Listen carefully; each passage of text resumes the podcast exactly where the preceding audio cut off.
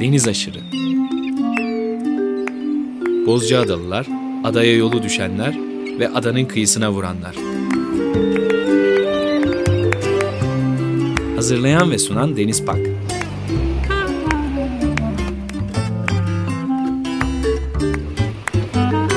Türkiye için rüzgar enerjisi üreten Demirer Enerji'ye katkılarından dolayı teşekkür ederiz. Radyo 95.0'da yeni bir Deniz Aşırı programından herkese merhaba. Bu hafta program konuğumuz Mimar İsmail Erten. Çanakkale'den gerçekleştireceğiz programı. Gündemimiz yoğun. Siz de biz de hoş geldik. Hoş bulduk. Siz de hoş geldiniz. Biz de hoş bulduk. Dinleyicilerimiz sizi e, belki 8 yıl, belki 9 yıl tam hatırlamıyorum ama 8-9 e, yıl önce yaptığımız Deniz Aşırı programından hatırlayacaklardır. Evet. Rüstem Aslan, Murat Kıray ve İsmail Erten birlikte ne oluyor bu bölgede konulu nefis bir program gerçekleştirmiştik. E, dikkatli dinleyicilerimiz, yıllardır dinleyenler hatırlayacaklardır. İsterseniz genelde böyle başlıyoruz. Sizinle de böyle başlayalım. E, bize kısaca hikayenizi anlatır mısınız? Evet ben aslında e, yani 55 yıl önce Çanakkale'de doğmuşum. Yaşım 55. Dolayısıyla e, Çanakkale'de e, Geyikli bölgesinde bulunan Bozköy diye bir köyde. Baba memleketim orası. Aile memleketim orası.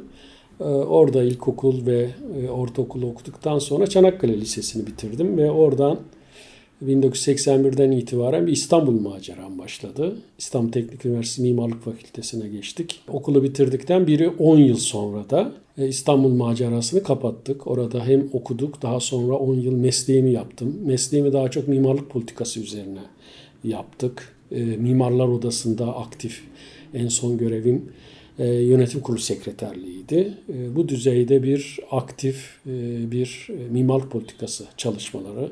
Tabii ki geniş zamanlarda çeşitli şantiye, proje büroları, ofis ve benzeri türü mimarlığı belli bir doygunluğa getirdik ama İstanbul beni çok yormuştu. 94 yılında tuttum tekrar doğduğum topraklara. Eşim de buralıdır. Çanakkale'dir. Birlikte karar verip Çanakkale'ye gelip kendi ofisimizi açtık. Hep böyle yine İstanbul'la e, diğer şeyle ulusal uluslararası bağlantıları koparmadan birçok projeyle e, kendimizi olabildiğince daraltmadan yine o evrensel bakış açısıyla birçok projenin içinde görev alarak e, kendi özel şeyimizi de yaparak mimarlık ofisimizi de yürüterek ekonomik anlamda bugünlere geldik. Mimarlık alanında daha çok eski eser, geleneksel mimari, kırsal mimari üzerine bir şeyim vardır, yönelişim vardır diyelim. Diğer mimarlık alanlarında da çalışılırız ama genel olarak öyle bir çalışma alanımız var. E, bakış açım hala e, mimarlığın politikası üzerine aktif görevler üstleniyorum Mimarlar Odası'nda. Yürütüyoruz o görevleri. Bunun dışında özellikle siyaset dışı alanda, sivil toplum alanda, katılımcı demokrasi ve sivil toplum örgütlenmesi üzerine birçok sivil projede görev almak, öyle bir özelliğim var. Öne çıkartmaya çalışıyorum. Ama bütün bu projelerde de temel belirleyici alan veya içerik diyelim sevgili Deniz, kültür ve sanat. Özellikle kültür temelli, tarih temelli ve bunun e, işte soyutlaması sanat bağlamında, mimarlık sanatı da olabilir, diğer sanatlar da olabilir bir uğraş alanımız içinde e, yaşıyoruz bu topraklarda. Evet, coğrafya sorumluluğunu fazla hissedenlerdensiniz. Ee, biz de ilgiyle e, takip ediyoruz. Hem yaptıklarınızı hem yıllar içinde de hep konuşuyoruz. Hep irtibat halindeyiz. E, bunları da konuşmaya var oldukça devam edeceğiz gibi duruyor. E, bugün de yoğun bir gündemimiz var. İsterseniz onlarla e, başlayalım. Biraz bulunduğumuz coğrafyanın tarihi, kültürel, ekolojik özellikleri, cazibeleri ve e, son dönemde yapılan müdahaleler gibi bir ana başlık e, üzerinden başlamak isterim. Bilmiyorum siz ne düşünürsünüz? Şimdi biz doğduk büyüdük ama Çanakkale'si de artık Çanakkale'lisiniz. Bu bölgede aktif olarak yaşıyorsunuz biliyorsunuz. Yani Bozcaada'yı da bir Çanakkale'nin e, bölgesi olarak görüyoruz. Bu, bu topraklar bu coğrafyanın en belirgin özelliği e, bir geçiş e, olması. Bu geçiş bir devinimi, bir hareketi doğuruyor. Şimdi burada yaşamanın birinci önemli özelliği bence bu devinime hazırlıklı olmanız gerekiyor. Yani burada ana kültürel yaşanmışlıkların biriktirdiği bir alan değil burası. Gelenin ve gidenin bıraktıklarıyla devamlı kendisini dönüştüren bir kültürel düzlemde bulunuyoruz. Çanakkale böyle bir alan. Bakıyoruz uygarlıklar geliyor, uygarlıklar yıkılıyor, o geliyor, savaş yapıyor, bu geliyor, sahipleniyor. Birden bakıyorsunuz dünyanın en önemli alanı burası oluyor. Bir bakıyorsunuz dünyanın en ölümcül savaşların yaşandığı alan oluyor ve benzeri. Bunların hepsinin yarattığı çok farklı e, yani siz Anadolu'nun binlerce yıldan beri aynı kültürü süreklilik halinde yaşayan bir şehrinde yaşamadığınızın farkında olmanız lazım. Rüzgarı da böyle ya yani devamlı esen ve o anlamda gelip götüren bu devinime e, hareketli bir e, yaşama hazırlıklı değilseniz Çanakkale'de yaşamanız çok zor. Bir kere bunu e, kentin, bölgenin ve coğrafyanın en önemli özellikleri olarak vurgulamamız gerekiyor. E, bunların getirdiği de bir sürü şey olmuş tabii ki. Yani tarihsel birikim olmuş, kültürel birikim olmuş, coğrafyanın getirdiği bir sürü e, özellikler bugüne de yansımış, var olmuş yani. Boğazımız evet dünyada çok nadir boğazlarda. E boğazlar Boğaz dediğimiz şey iki şeyi birbirine bağlayan bir şeyse o iki şeyin özelliklerinin kesiştiği yer. O anlamda hem Karadeniz'in hem Ege'nin hem Marmara'nın hem e, Akdeniz'in bütün balıkların da kesiştiği yer. Dolayısıyla zenginlikler bu, bu coğrafyada olabiliyor. İşte diğer yönden karasal olarak bakıyorsunuz Avrupa Asya kesişim noktası. Bakıyorsunuz bugün e, işte muhafazakarlık yerine daha böyle Avrupa'ya yakın, işte akılcı düşünebilen ve demokrasiyi geliştirebilen bir coğrafyadan bahsediyoruz. Çünkü bu geçiş sürecinde bütün bunların aktarıldığı bir şey. Ben bunun bir e, e, e, avantaj olarak, yaşam avantajı olarak çok değerli bulduğumu, bu coğrafyanın en önemli özelliklerinden birisi olduğunu e, belirtmek isterim açıkçası. Şimdi böyle olunca tabii her dönemde bu coğrafyaya e, ama iyi ama kötü müdahaleler olmuştur. Şimdi bu dönemde biraz sona doğru geldiğimizde bu dönemde maalesef böyle şeyler var bildiğiniz Cazibesi gibi. yüksek alan çünkü. Evet. evet. Maalesef cazibe olunca mecburen sahiplenme veya iktidarın gelip kendisine ait olma gibi bir sürü şeyi burada yaratması söz konusu. Dolayısıyla Çanakkale son dönemde e, ortasından geçen boğaz şeyle köprü aksıyla aslında ikiye bölünüyor. Kendisinin de köprünü kendisi de bir aks bir alan yaratacağını düşünürsek Çanakkale Boğaz Köprüsü'nün e, ulaşım alanı itibariyle yarattığı etki itibariyle üç tane bölge. Birisi kendisi, birisi kuzeyinde daha çok işte madenleriyle, termik santralleriyle böyle Marmara'nın güney cehennemi haline getirilebilecek bir sürü yatırım söylemiyle kaynayan bir Çanakkale'nin kuzeyini görüyoruz. Ee, ama güneyine de baktığımızda ise güneyinde ise bütün o coğrafyanın güzelliklerinin bezendiği bir alanda soft turizm veya işte daha çok insanların o güzelliklerle birlikte yaşayabileceği yapılaşma alanların oluşturulabilmesi gayretleri ama bunların çok kritik işte müdahalelerle çok kötü e, göçler oluşup kötü sonuçlar doğurabilecek, ranta yönelik, yapılaşmaya yönelik, bu yapılaşma baskısının doğa üzerinde, çevre üzerinde etkisinin olabileceği bir üç, üçüncü alanda güney alanı. Bu alanların tartışıldığı bir Çanakkale son dönem. Bu müdahalelerle yani e, kuzeyde bu işte şey büyük yatırımlar, güneyde bu e, doğal güzelliklerin cazibesiyle oluşan belli bir güçle oluşan yapılaşma baskısı ve benzeri. Ortada ise Boğaz Köprüsü ile içinden geçilen bir coğrafyanın etkilerine açık bir dönem yaşıyoruz bu dönem. Burada tabii hiç kimse boş durmuyor değil mi?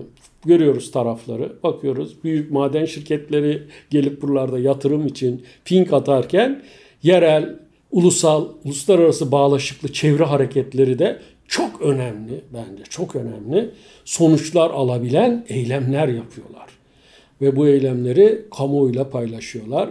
Gerektiğinde başarılı sonuçlarla birlikte bütün bu şey uluslararası bağlaşıklı firmaları gerektiğinde geri doğru püskürtebiliyorlar. Farklı alanlarda farklı insanların da mücadele ettiği bir coğrafyaya sahibiz. Ben Çanakkale'nin işte dünüyle bugünü arasında böyle bir açılımı parantez içinde böyle tanımlıyorum. Evet. Korfman söylemişti galiba. E, Troya'ya zenginliğini rüzgar getirdi diye. Doğru mu hatırlıyorum bilmiyorum. Manfred Korfman'ın e, sözü. Aynen öyle. O yıllar için konuşmuştu tarih penceresinden baktığı zaman. Bugün baktığımız zaman da bambaşka bir devinimden bahsediyoruz. Dediğiniz gibi her dönem bir cazibe alanı olmuş oluyor e, bu bölgede. Bir yandan da tabii insanlık çok mütecaviz bir şekilde devam ediyor. Dediğiniz gibi maden alanları, termik santraller, yollar, köprünün sadece köprü değil, köprünün geçtiği yollar da hayatları değiştiriyor aslına bakarsanız. Evreşe ile Şarköy arasındaki o kestirme yolu zaman zaman kullanan insanlardanım. O yoldaki köylerin e, içinden geçen köprü bağlantı yolunu, 3 şerit gidiş, 3 şerit geliş o otobanları gördüğümüz zaman o köylerdeki hayatın da bambaşka bir yere doğru gittiğini görüyoruz. Aslında kuş uçmaz, kervan geçmez. Edirne'nin, Tekirdağ'ın ya da Çanakkale'nin bazı köyleri, o bölgedeki köyleri, ilçeleri bambaşka bir çehreye bürünüyorlar.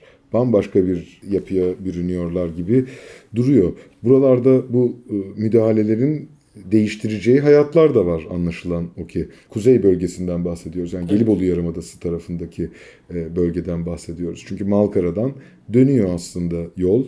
Gelibolu, Lapseki'ye doğru gelen yeni yapılacak, son derece hızlı bir şekilde ilerleyen köprü yoluna e, çıkmış oluyor. Köprüye gelene kadar olan bölümünden bahsediyorum. Aynı şey köprüyü geçtikten sonraki bölümü için de geçerli aslına bakarsanız.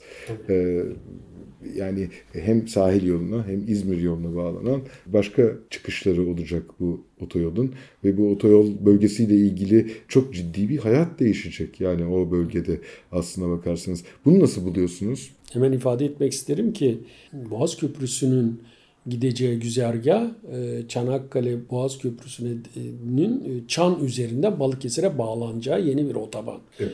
O da biraz önce dediğiniz o Tekirdağ'ın körfezdeki kıyılardaki miskün yaşamlarının var olan bütün Çan, Yenice ve Savaştepe, e, Balya arasındaki müthiş şey yol köylerin tekrar dönüşeceği bir sürece doğru da gidiyor.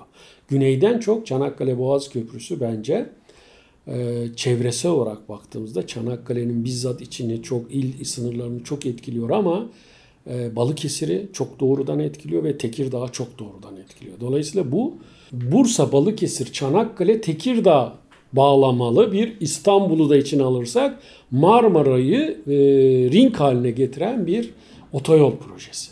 Böyle bakmak lazım buna. Bunun güney ayağı eksikti. Değil mi? Şimdi İstanbul-İzmir otobanıyla Bursa Balıkesir'i çok rahat gidiliyor.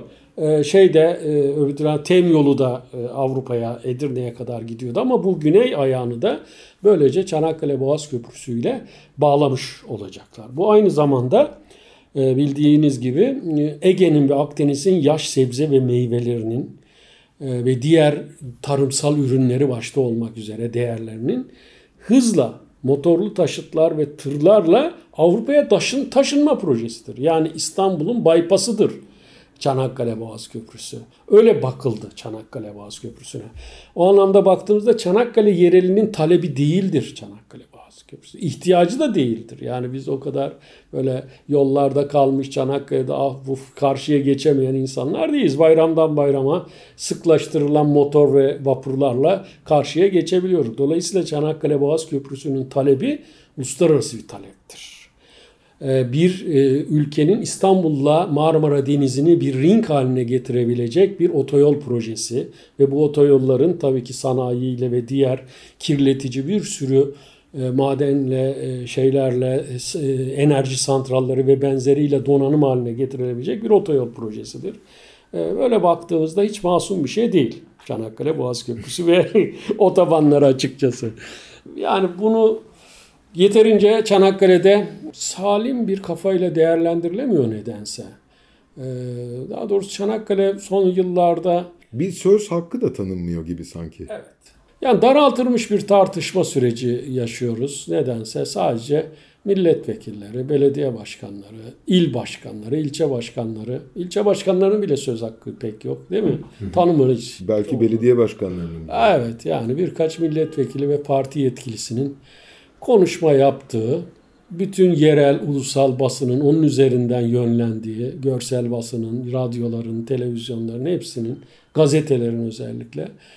Hiç yani böyle iktidar dışı, siyaset dışı alanda hiç kimsenin söz kullanamadığı bir sürece doğru gidiyoruz Deniz. Nasıl değişik bir şey gerçekten. Nasıl uygun görürlerse ona göre hareket ediyoruz evet. biz de. Ee, ve sonuçları bir şekilde e, tartışılabiliyor. En azından o hakkımız henüz elimizden alınmadı. Evet. Ee, yani e, ya da neler olabileceğiyle ilgili. E, çok büyük bir hızla yapıyorlar. 2022 18 Mart'ında da açacağı söyleniyor, açılacağı söyleniyor. Gerçekten biz e, Gelibolu'dan geçerken ya da Lapseki'den geçerken köprünün artık e, bitmek üzere olduğunu görüyoruz. Yan yolların, onun bağlantı yollarının asıl yolunda e, aynı takvime yetiştirilmeye çalıştığını görüyoruz. Evreşe Şarköy arasındaki yoldan önümüzdeki hafta geçeceğim. Aradaki farkı 5-6 ay sonra tekrar görmüş olacağım. Muhtemelen oradaki o köylerdeki değişen hayatı da en güzel şekilde görüyor olacağız. Bu tabii müthiş bir baskı yaratıyor coğrafyaya.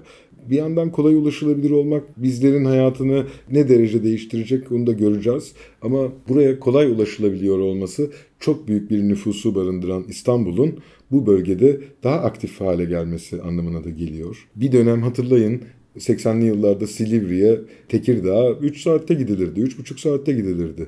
Şimdi 3-3,5 saatte e, Çanakkale bölgesinde olabilecek insanlar ve yeni Silivrileri, yeni Tekirdağları olur mu acaba endişesiyle de biraz konuşuyoruz sizinle aslına bakarsanız. Evet yani böyle bir e, Çanakkale için maalesef ciddi bir şey var. E, İstanbul'un müthiş bir baskısı altında Çanakkale her anlamda. Ee, özellikle nüfusun bu bölgeye kayması üzerine hızla artacak bir şeyin kent ve yapı talebinin karşılanabilir olması. Buna bu coğrafya ne kadar hazırlıklı, ne kadar değil. Bunun üzerine ciddi bir şekilde e, ben bir plan, proje, strateji, program göremiyorum sevgili Deniz. E, dolayısıyla bunun aslında durdurulması da zor olan şeyler bunlar yani anlatabildim mi? Yani durdurulabilmek için başka pro- programlara gerek var. Yani siz İstanbul'daki bu baskıyı Anadolu'nun çeşitli yerlerine dağıtmazsanız İstanbul'daki insanların en kolay olarak gidip rahat edebileceği, günübirlik bile gidip gelebileceği, değil mi? Haftanın birkaç günü e, gelip kalabileceği e, ikinci evlerinin Çanakkale olmasını engelleyemeyiz biz. Dolayısıyla o baskının İstanbul'daki o baskının yok edilip İstanbul'da kalanların İstanbul'u İstanbul olarak yaşayabileceği, gidenlerin ise gittiği yerlerde kendi kültürünü benimseyerek o kültürle yaşayabileceği. Tabii Çanakkale'de varsa bunların içinde Çanakkale'de de insanlar gelip kendi Çanakkale kültürüyle bütünleşik bir şekilde yaşayabileceği yeni bir durumun tarifi yok maalesef. Yok. Bunu yaratmak lazım yani. Yoksa biz şimdi kapatalım kapıları kapatamayız. Yani geleceklerdir. O zaman açalım deseniz açamayız da ama. Yani bir yandan öyle bir açmazı da var işin. Evet. Yani pandemiden önce müthiş bir göç baskısı aldığını çok iyi biliyorduk. Pandemiyle birlikte bunun çok hızlı arttığını da görüyoruz. Ee, insanların büyük kentlerden doğa içerisinde yaşayabilecekleri kırsala yöneldiklerini hissediyoruz, duyuyoruz, görüyoruz, tanık oluyoruz hepsine. Burada da metropolün yarattığı bu e, göç, kırsala bilhassa olan bu göç hayatımızda birçok şeyi değiştiriyor. Biraz bunlara da bakalım isterseniz. Ben son zamanlarda bu bunun üzerine çok kafa yoruyorum. Çünkü daha çok e, mesleki olarak da ilişki kurduğum insanlar metropollerde o pandemi işte virüs ve yaşam sıkıntısı yani e, konfor bağlamında bulamayan insanların bir kaçışını bizim bölgede olması ve ben onlara işte bir mekan tasarlamak, ev tasarlamak veya yaşam tasarlamak üzerine mimarlık yapıyorum. Yoğunluklu olarak böyle bir talep var. Onlarla birlikte olmaya çalışıyorum ve açıkçası bu süreç içinde e, buraya gelen hiç kimseye neden geldin diyemem. Yani çünkü çok insani bir şey bu.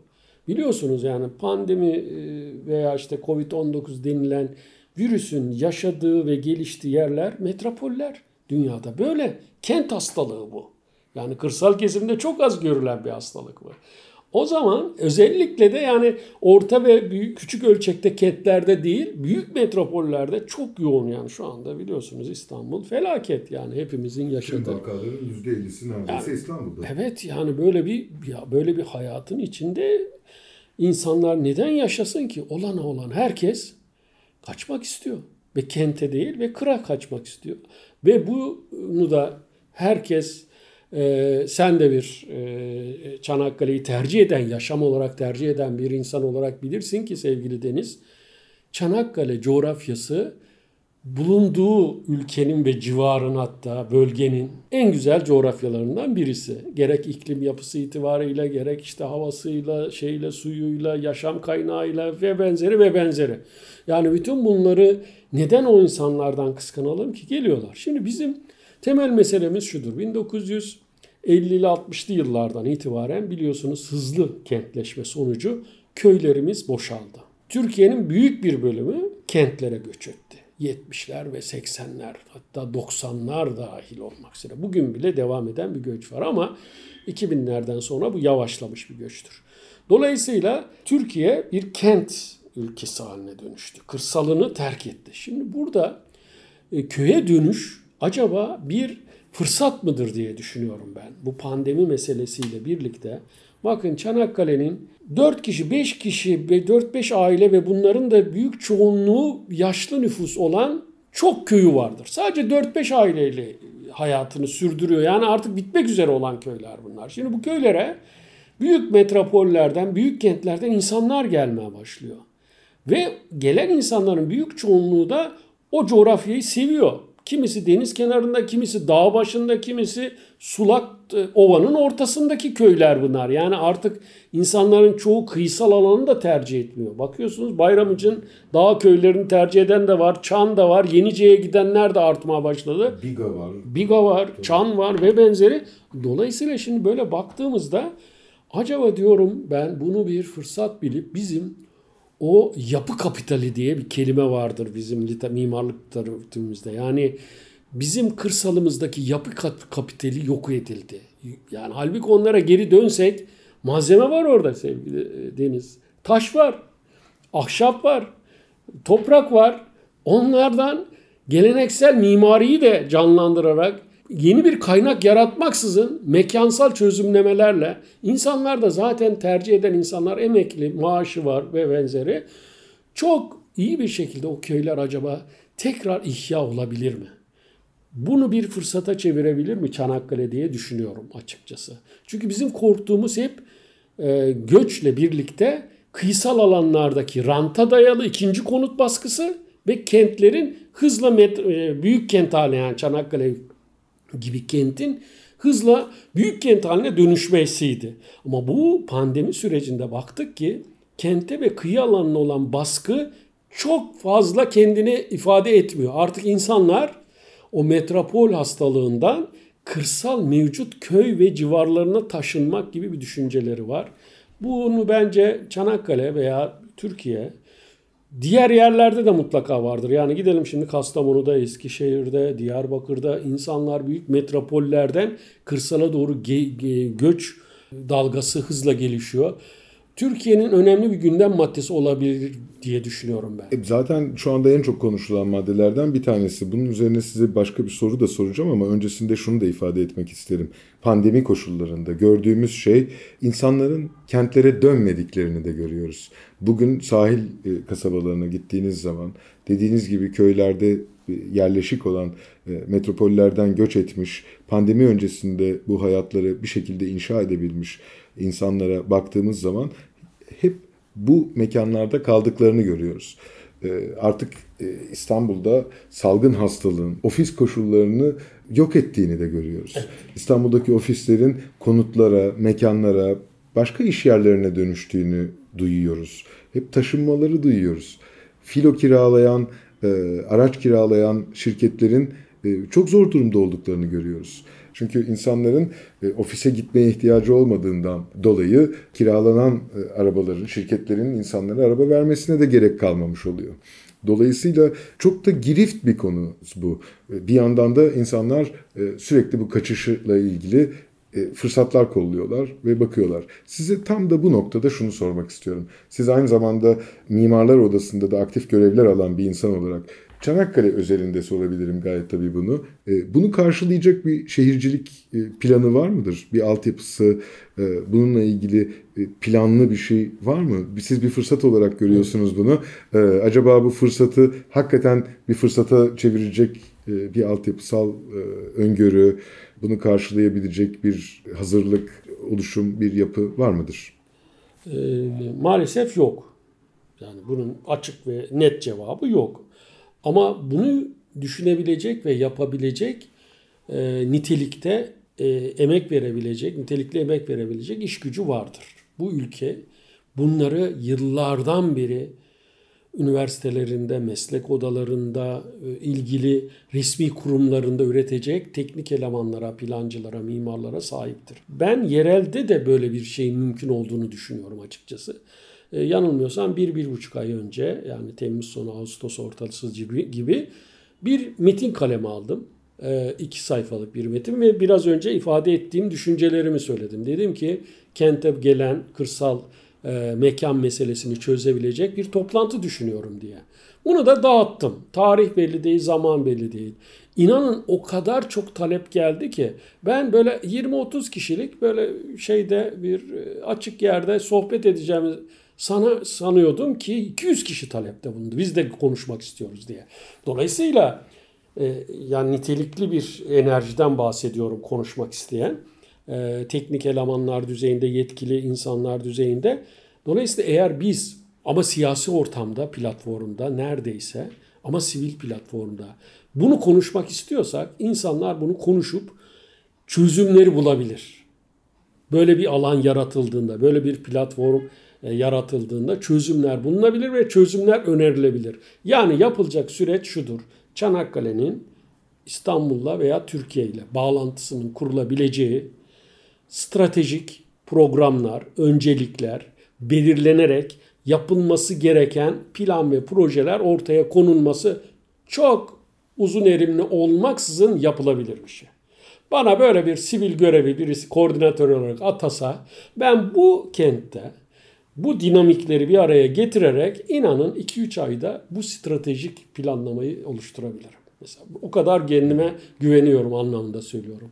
Ama bunun karşılığında da sadece baktım ki sonra yazımı geri çektim. Çünkü 200 kişi talep olunca pandemi sürecinde toplantı yapmak yasak ya. Dolayısıyla yapamadık biz toplantı. Yani iki aydan beri bir kişi de sorsa ya sevgili Deniz ya ne oldu İsmail Bey sizin o proje hani bizi toplantıya çağırmıştınız diyen yok. Kaldık böyle tek başımıza şimdi. Dolayısıyla bu karşılıklı talepler olarak bir sinerji yaratabiliyorsak, toplumsal düzlemde bunları bir platform haline getirebiliyorsak bence olabilir. Ama şu anda bunun karşılığı yok. Bence Türkiye'nin en önemli gündem maddelerinden birisi olmalıdır bu.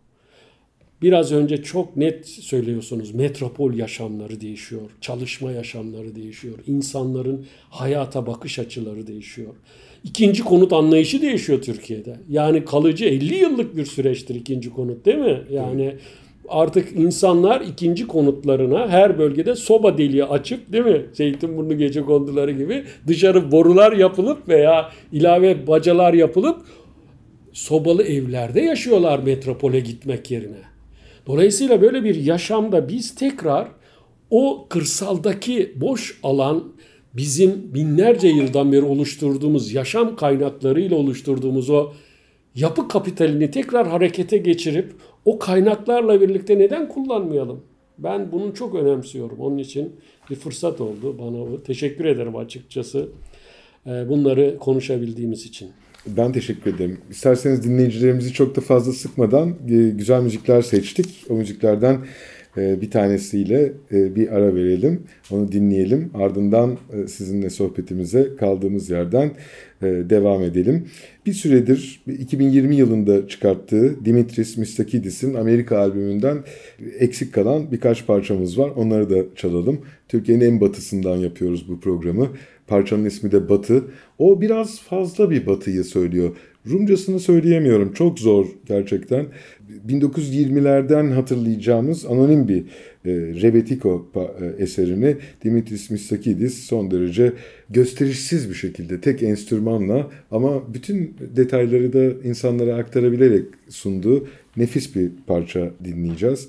E, anonim bir eser dediğim gibi 1920'li yıllardaki taş plak kayıtlarından hatırlayabiliriz. Aslında göçü de biraz anlatıyor. Onlar biraz San Francisco, e, Amerika göçlerinden bahsediyorlar. Rebetiko, klasik bir Rebetiko parçası ama bize de uyacağını evet. tahmin ediyorum. Bu anlamda bu parçayı çalmak isterim. Dimitris Mistakidis'ten dinliyoruz. Parçasının ismi Batı.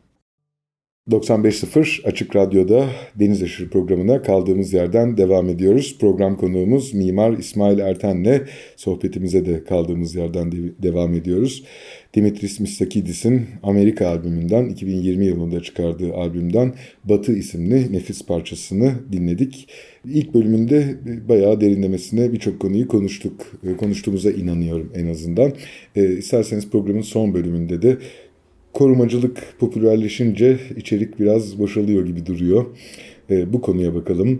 Bozcaada, Behramkale, Gökçeada ve diğer kentsel sit alanları korumacılığında gelinen durum nedir e, diye sorabilirim. Aslında bu ilk cümleyle de alakalı bir soru olduğuna inanıyorum.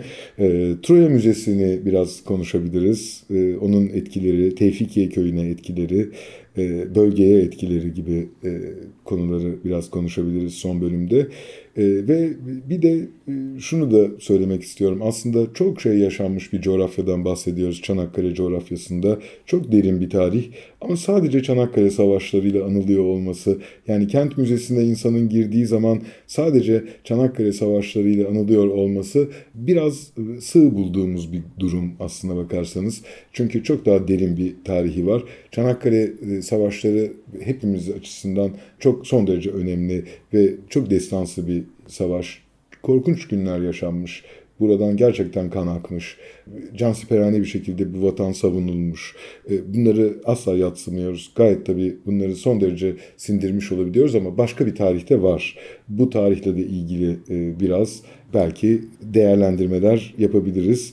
E, bu savaş alanlarını insanların çok yüksek reytingle geziyor olmalarının hayatımızda neler değiştireceğini de size soracağım. Kombine sorum evet. budur. E, programın son bölümünde aslında süremiz de biraz kısıtlıyken e, son bölümü biraz derleyip toparlayalım. Evet şimdi burada tabii korunma alanları dediğimizde aslında sizin de biraz önce ifade ettiğiniz gibi üç başlık altında toplanıyor. Bir tanesi bulunduğu coğrafya ile fiziki mekanlarıyla bir değer olmuş. İşte adalarımız, Bozcaada kent merkezi gibi, e, Gökçeada'daki köyler gibi, işte Kilitbahir, Settülbahir, Behramkale, e, Adatepe e, ve işte Yeşilyurt gibi bizim kentsel e, sit dediğimiz ama kent değil bunlar aslında çok önemli birer kırsal mimarinin sembolü haline dönüşmüş e, mekanlar.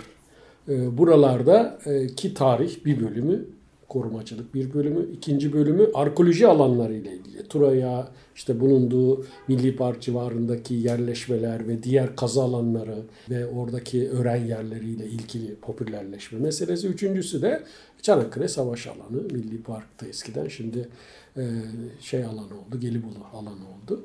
E, dolayısıyla bu üç başlıkla baktığımızda ve eğer bunun da korunarak topluma hizmet edilmesi meselesinde acaba ne kadar korunuyor ve kullanıyor, gerçek amacına ne kadar hizmet ederken bunların toplumla birleştiği noktada ne kadar tahrip ediliyor, bu popülerleşme sonucunda ne kadar değer kaybına uğruyor meselelerinin e, Çanakkale için bir laboratuvar aslında burada. Yani bir taraftan işte kentsel sit dediğimiz bir taraftan arkeolojik alan dediğimiz bir taraftan yakın dönem bir savaş alanında popüler e, korumacılığın getirdiği sonuçları irdelemek gerekiyor. E, bu anlamda baktığımızda e, birinci madde saydığımız bu bütün coğrafyayla bütünleşmiş kendine özgü mimari mekansal değerleri olan mesela bir Behramkale köyü Asos'tan ayrı düşünün. Mesela bir Adatepe köyü, mesela bir Kilitbahir köyü. Bütün bunlara baktığımızda gerçekten buraların e, bütün bu değerlerinin acaba ne kadar binlerce yıldan beri korunarak bir noktaya getirilip bir kültür oluşturan o mekanların gerçekten korunup geleceğe aktarıldığı tartışma konusu şu anda. Bunların da tabii tartışmayı yaratacak temel mesele orada yaşayan insanların kimliğidir. Şimdi eğer siz Bozyada'da Bozyada'yı bütün kural ve koşullarıyla korumaya çalışırken mekansal bir ada merkezinden veya e, civardaki tarımsal amaçlı bağ evlerinden bahsediyorum. Buraları korumaya çalışırken o insan yapısı orayı korumak yerine tüketmek ve kendine çevirmek için uğraşırsa o Bozca'da kimliğini maalesef yok edebiliyor. Bu ikilem içinde Bozca'da, Gökçe'de ve diğer e, yerleşimler bir geçiş süreci yaşıyorlar. Kimisi önde. Mesela Bozca'da artık sonuçları değerlendirilebilir bir noktaya geldi. Acaba ne kadar kuruyoruz? Acaba ne kadar tarihiyle birlikte bugüne ait bir değer olarak yaşamını sürdürüyor? Bunların hepsinin irdelenmesi gerekebiliyor. Aynı şey Behramkale için de geçerli. 50-60 yıldan beri orasının e, Türkiye'nin en önemli koruma alanlarından birisidir Behramkale. Safranbolu gibi, Birgi gibi sayabileceğimiz 3-5 tane yerlerden birisidir. Bugün baktığımızda oteller zinciri haline dönmüş.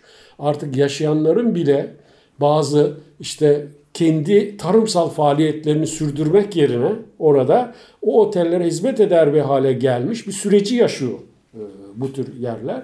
Bunları e, değerlendirebileceğimiz bir laboratuvar aslında Çanakkale.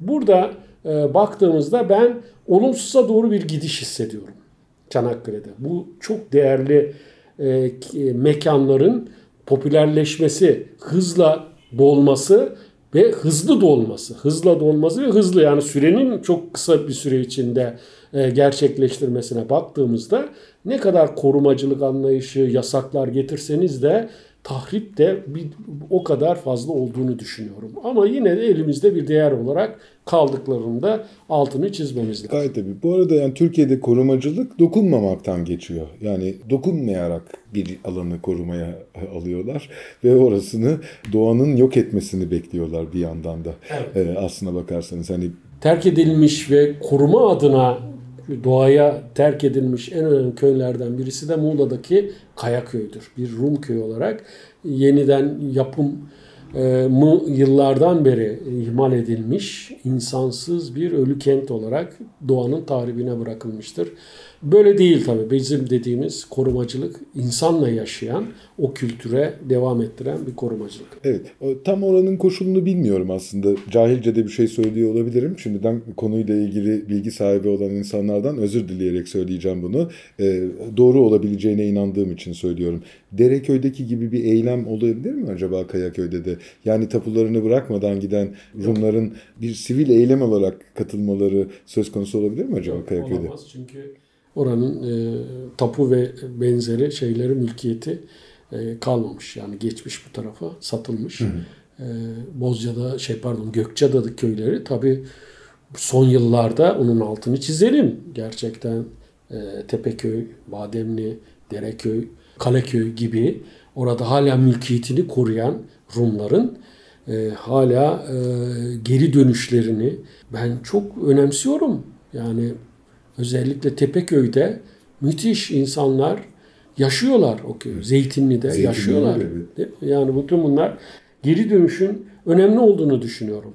Ee, bunun sebebi şu tabii işte bu şeyle mübadelede iki kale şey pardon iki ada Gökçeada, Bozcaada ve İstanbul biliyorsunuz zor, zorunlu değildi. Ama e, Muğla'nın Kayaköy'ü zorunluydu. Dolayısıyla onlar giderken mülkiyetlerini de devrettiler. Ee, Koşullar başkaydı. Evet, baş, başkaydı. Dolayısıyla burada mülkiyet devri. Evet yani bu mekansal olarak baktığımızda ikinci tabii şeyi hemen zamanı iyi kullanmak adına sevgili Deniz. Troya e, hep dünyaca ünlü, çok önemli. Yani 500-600 bin yıllık nüfusu şeyi pardon insan ziyaretine açık bir bölgeydi yani. Bu böyle aşağı düşse de 400 oluyordu, yukarı çıksa da 650 falan oluyordu. Yani Ortalama böyle e, son 20-30 yıldan beri böyle olan bir yer. Birden bakıyoruz pandemiye rağmen e, müzeyle birlikte hızla popüler e, ziyaretleri Troya Müzesi Troya'ya olan ilgiyi arttırmıştır. Bu arada bilmeyen dinleyicilerimiz olabilir düşüncesiyle söyleyelim. Troya Tevfikiye köyüne, Troya öğren yerine olağanüstü bir müze yapıldı. Mimarı Ömer Selçuk Baz, e, harikulade bir e, mimari uygulandı. Büyük bir hayranlıkla geziyoruz. Görmeyenler, gitmeyenler henüz olabilir. E, mutlaka şiddetle tavsiye ediyoruz. Yani Türkiye'de böyle müzeler yapılabiliyor. Başka yerlerde de bunu görüyoruz. Urfa Müzesi de buna benzer bir müzedir. Yeni yapılan nefis müzeler olduğunu e, söylemeliyiz. E, bunlara gitmeye değer e, diyoruz. Troya Müzesi bunların içinde gerçekten çok özel ve güzel bir şekilde yerini almış durumda. Tabii köyü de değiştirdi. Tevfikiye köyünü de bir arkeo köy haline getirdiler. Çok küçük hareketlerle bazı şeylerin nerelere gidebileceğini de göstermiş oldu. Kapı numaraları, bütünlük sağlayan, eskiye öykünen replika yapılmış ama e, eskiyi bize gösterebilen numaralarla harikulade bir arkeolojik köy oluşturulabildiğini de görmüş olduk. Tevfikiye Arkeoköy olarak. Evet yani gerek müze gerekse Arkeoköy olarak son dönemde e, ilgiyi arttıran en önemli meseleler olarak, Troya'ya olan ilgiyi arttıran en önemli meseleler olarak görüyoruz bunu.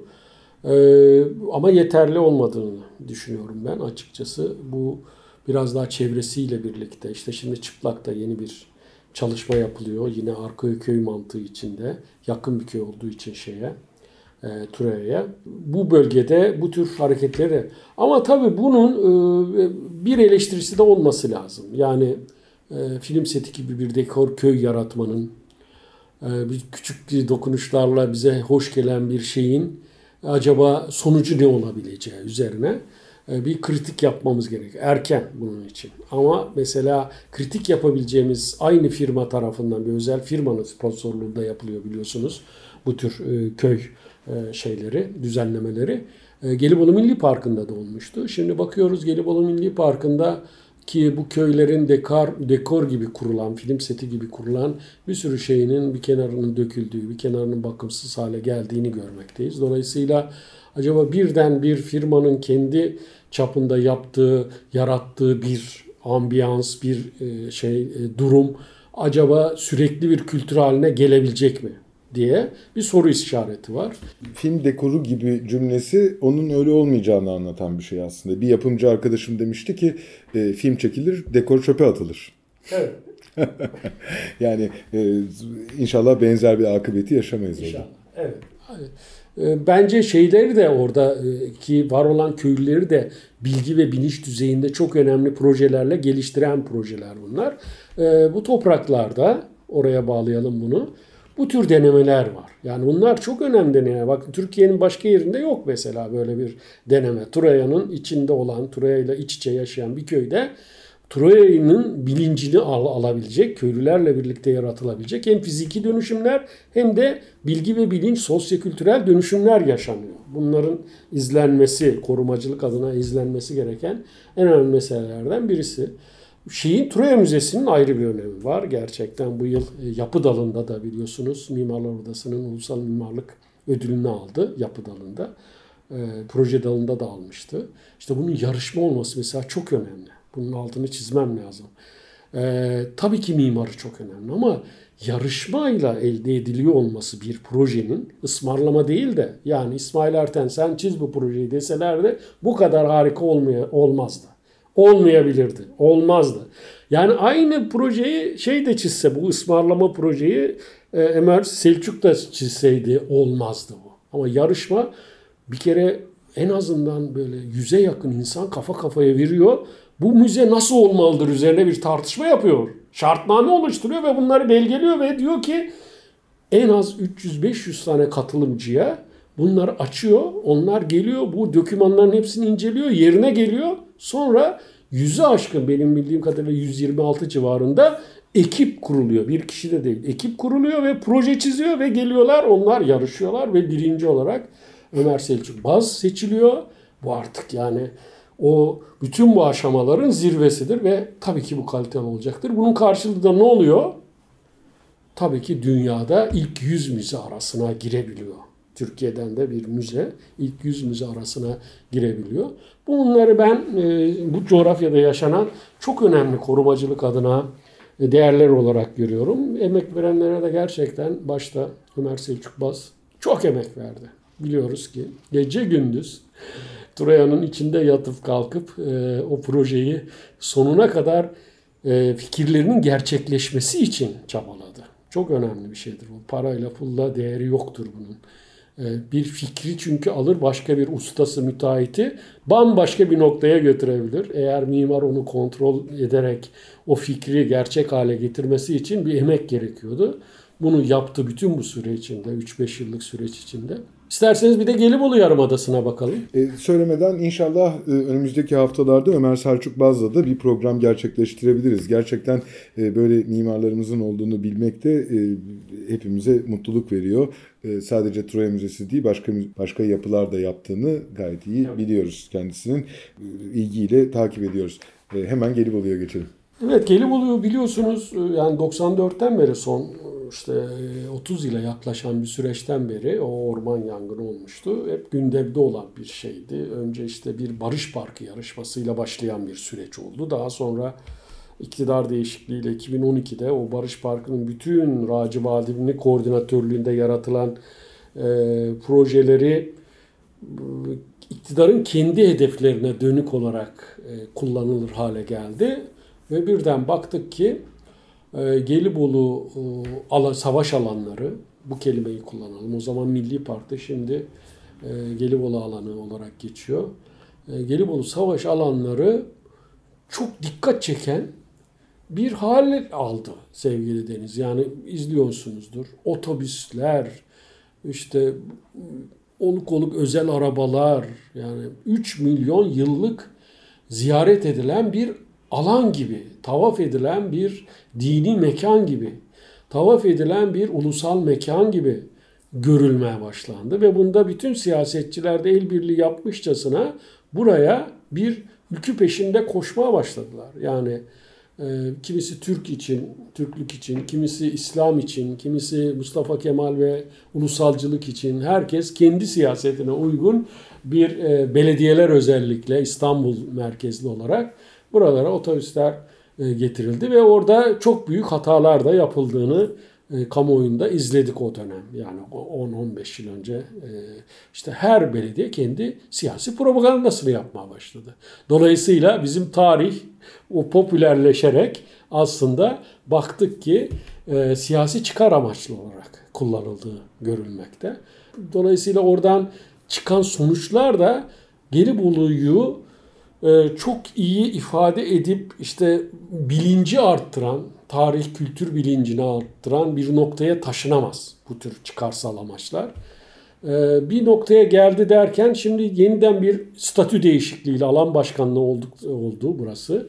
E, statü değişikliği şimdi bocalama sürecinde ne yapıldığını bilemiyoruz ama bu coğrafyada en fazla bütçeye sahip bir e, resmi e, müdürlük gibi çalışan bir alan başkanlığından bahsediyoruz. Müthiş bir bütçesi var.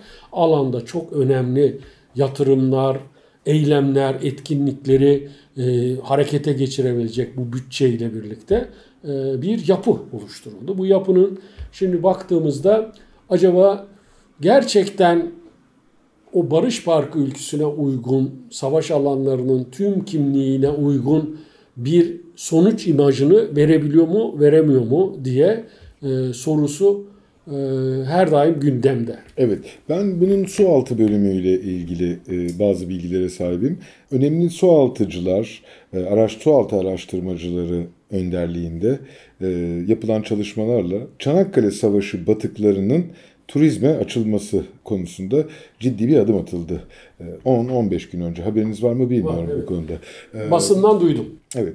Bu çalışmayı yapan insanlar benim arkadaşlarım. Ben onlardan çok ciddi bir şekilde e, dinledim. Hatta bu programda da ilerleyen haftalarda bunun konusunu da gerçekleştireceğiz.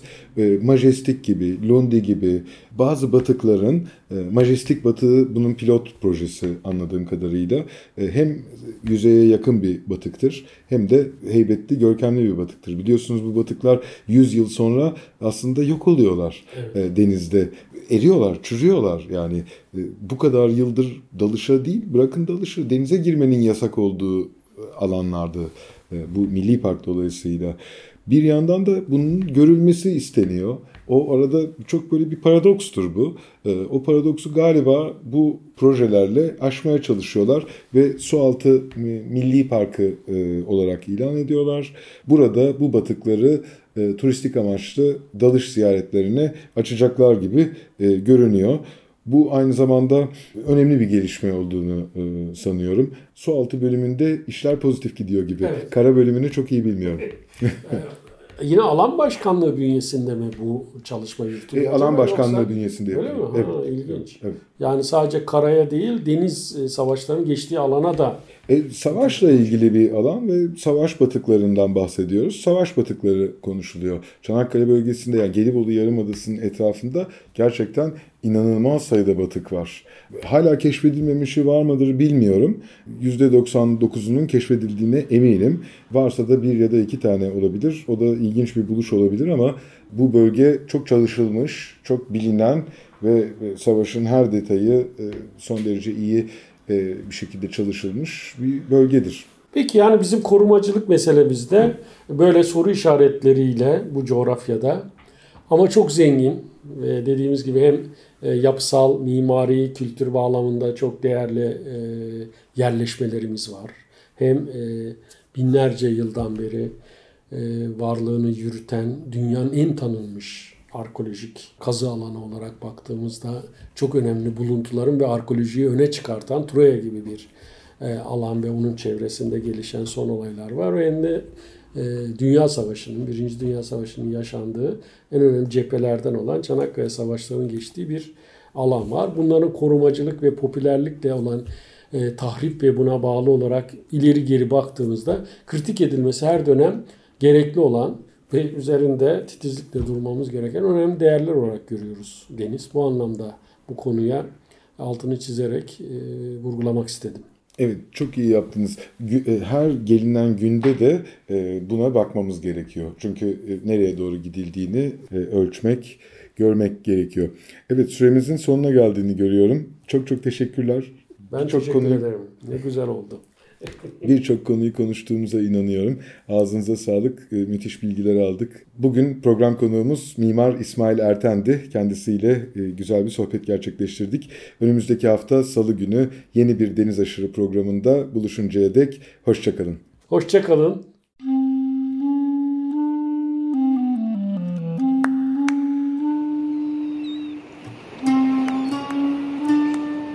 Deniz aşırı. Bozcaadalılar, adaya yolu düşenler ve adanın kıyısına vuranlar. Hazırlayan ve sunan Deniz Pak.